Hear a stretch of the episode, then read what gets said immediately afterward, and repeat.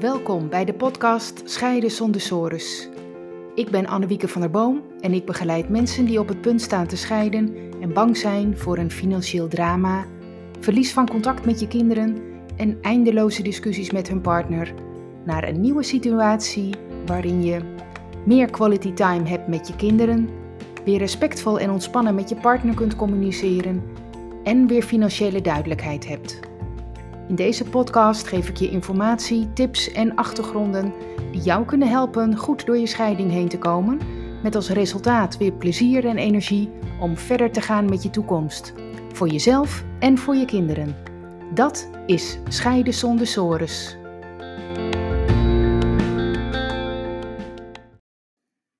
De auto die mij aanreed. Het gebeurde drie dagen geleden. Ik had met een vriendin wat gedronken in de stad, heel gezellig. Zij ging met de auto weer naar huis en ik ging op de fiets naar huis. Het was al donker en het regende. Maar ik hou van buiten zijn en ik vind de regen niet zo erg. Ik heb een uh, hele goede waterdichte jas en een uh, goed licht op mijn fiets, zo'n zo'n sterk halogeen uh, ding.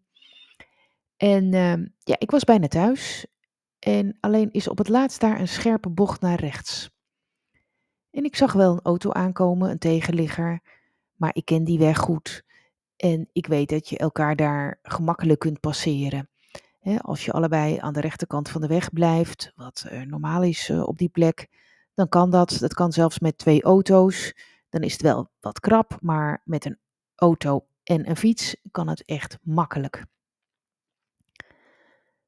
Maar ineens zag ik toch die auto in de bocht. Dus terwijl ik in de bocht was, op me afkomen.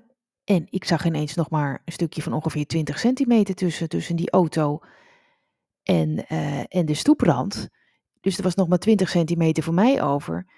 Ja, dat is wel heel erg krap. Te krap.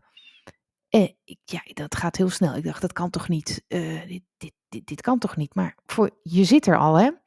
En ik schuurde met mijn fiets zo langs die auto en het kraste nogal. En ik dacht alleen maar, dit kan niet. Wat? Hij, hij snijdt me af. Hij sneed de bocht dus enorm af. Nou, wonder boven wonder viel ik niet. En uh, seconden later stond ik nou echt verbluft met mijn voeten op de grond naast mijn fiets. De auto stopte, het raampje ging open. Maar ja, ik was echt heel boos en ik riep: Je snijdt me gewoon af. Uh, ben je wel goed wijs? Uh, nou, hij zei: Ja, oh, oh, ik had je niet gezien. Nou, en ik was, ja, ik, ik, ik had gelukkig geen letsel hoor, dat, dat voelde ik wel. En ja, dan, ik was best uh, bij de hand, moet ik zeggen. En ik, ik zei, ik was gewoon heel boos en ik zei, ja, hoeveel bomen staan hier dan? Er staan namelijk geen bomen op die plek. Hè? Oftewel, hoezo? Je hebt me niet gezien. Ik heb een fietslicht aan, hele goede lampen en uh, ja, er is helemaal geen obstakel. Um, en trouwens, als ik straks iets heb, dan, uh, of als er iets met mijn fiets is, dan hoor je nog wel van me. Maar ja, het vervelende was dat het een buurman is die in de auto zat, van een paar huizen verderop. Ja, en met je buren wil je geen ruzie. Je wil on speaking terms blijven. Maar ja, ik was wel heel boos. Ik wilde hem echt niet tegenkomen. Dus oké, ik uh, naar huis. En um, nou, hij stuurde me de volgende dag een berichtje hoe het met me was. En dat hij ook wel geschrokken was. En als er schade was, dat ik het dan kon aangeven. Ja, ik moet zeggen, ik vond het haast bijna jammer dat ik geen schade had. Ik had zelf, ik had, nou, ik was natuurlijk blij dat ik geen letsel had. Uh, en mijn fiets, dat was alleen een stangetje van los en dan kon ik er zelf wel weer even vastzetten. Uh, maar ja, ik had eigenlijk liever gewild dat hij wel een lesje had geleerd. En um, ja, dat vind ik ook het belangrijkste natuurlijk, dat hij de volgende keren gewoon uh, wel de buitenbocht neemt, zodat hij niet de volgende straks weer klem rijdt. Maar goed, de dag daarna, dus ja, ik was dus gewoon echt heel boos op hem. Ik zou hem niet willen tegenkomen op dat moment. Maar de volgende dag, ja, kon ik het eigenlijk wel een beetje opzij zetten. En uh, heb ik toch maar een, uh, een aardig uh, berichtje teruggestuurd. En ja, toen viel het ook wel weer van me af. En ik kan hem nu wel weer normaal tegenkomen. Ja, dus dat brengt mij eigenlijk op dat on speaking terms blijven. Eh, daar krijg ik ook vaak uh, vragen over van mensen. Eh, en die vraag is, ja, we zijn nu on speaking terms met elkaar en dat willen we ook zo houden. Alleen hoe doen we dat? Want we hebben bij onze scheiding over een groot financieel issue een knoop door te hakken.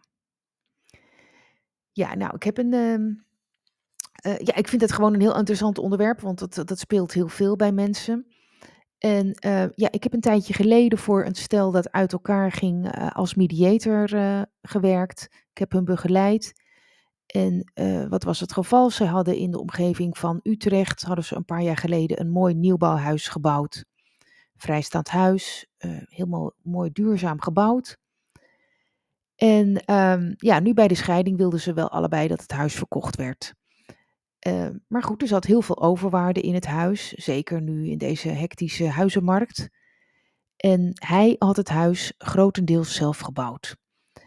Um, hij had dus ja, echt letterlijk alle, uh, de fundering gelegd. Uh, nou, alles gewoon helemaal zelf opgebouwd, grotendeels. En zij had in de tijd uh, van de bouw een fulltime baan. En ja, dit werd bij de scheiding een issue, want hij wilde een groter bedrag uit de overwaarde van de woning hebben dan zij. Want hij had immers veel werkuren en heel veel bloed, zweet en tranen en energie gestoken in die bouw.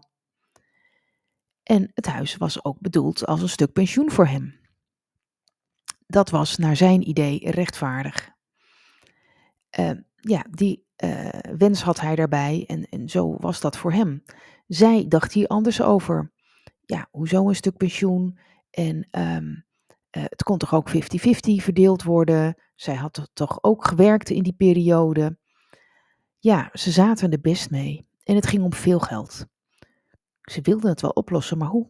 En ze zagen, zagen er erg tegen op.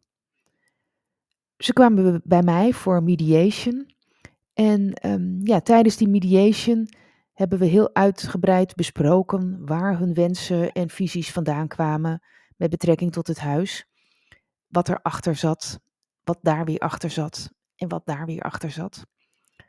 En um, ja, dat was best emotioneel voor hun, maar het gaf al wel wat ruimte. En de keer daarna zeiden ze dat dat mediation gesprek wel een heel zwaar gesprek was geweest. En dat ze ook toen ze thuis kwamen allebei best wel onrustig waren.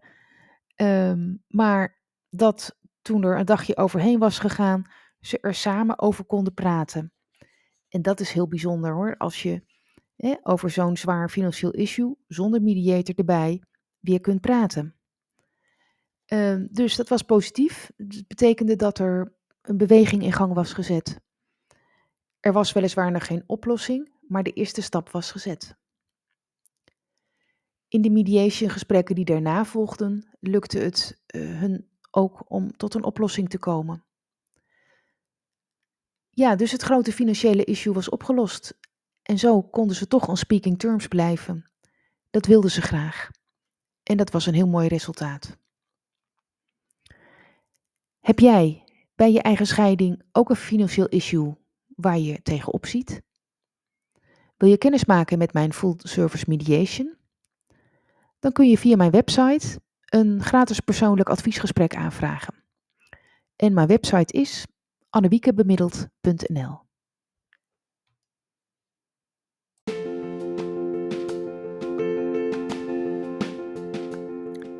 Leuk dat je hebt geluisterd naar deze aflevering.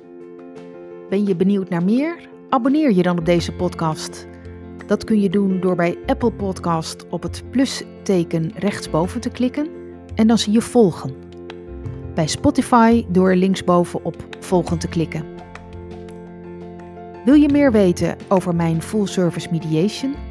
Bekijk dan mijn gratis video, waarvoor je je kunt aanmelden via mijn website annewiekebemiddeld.nl. Tot de volgende aflevering.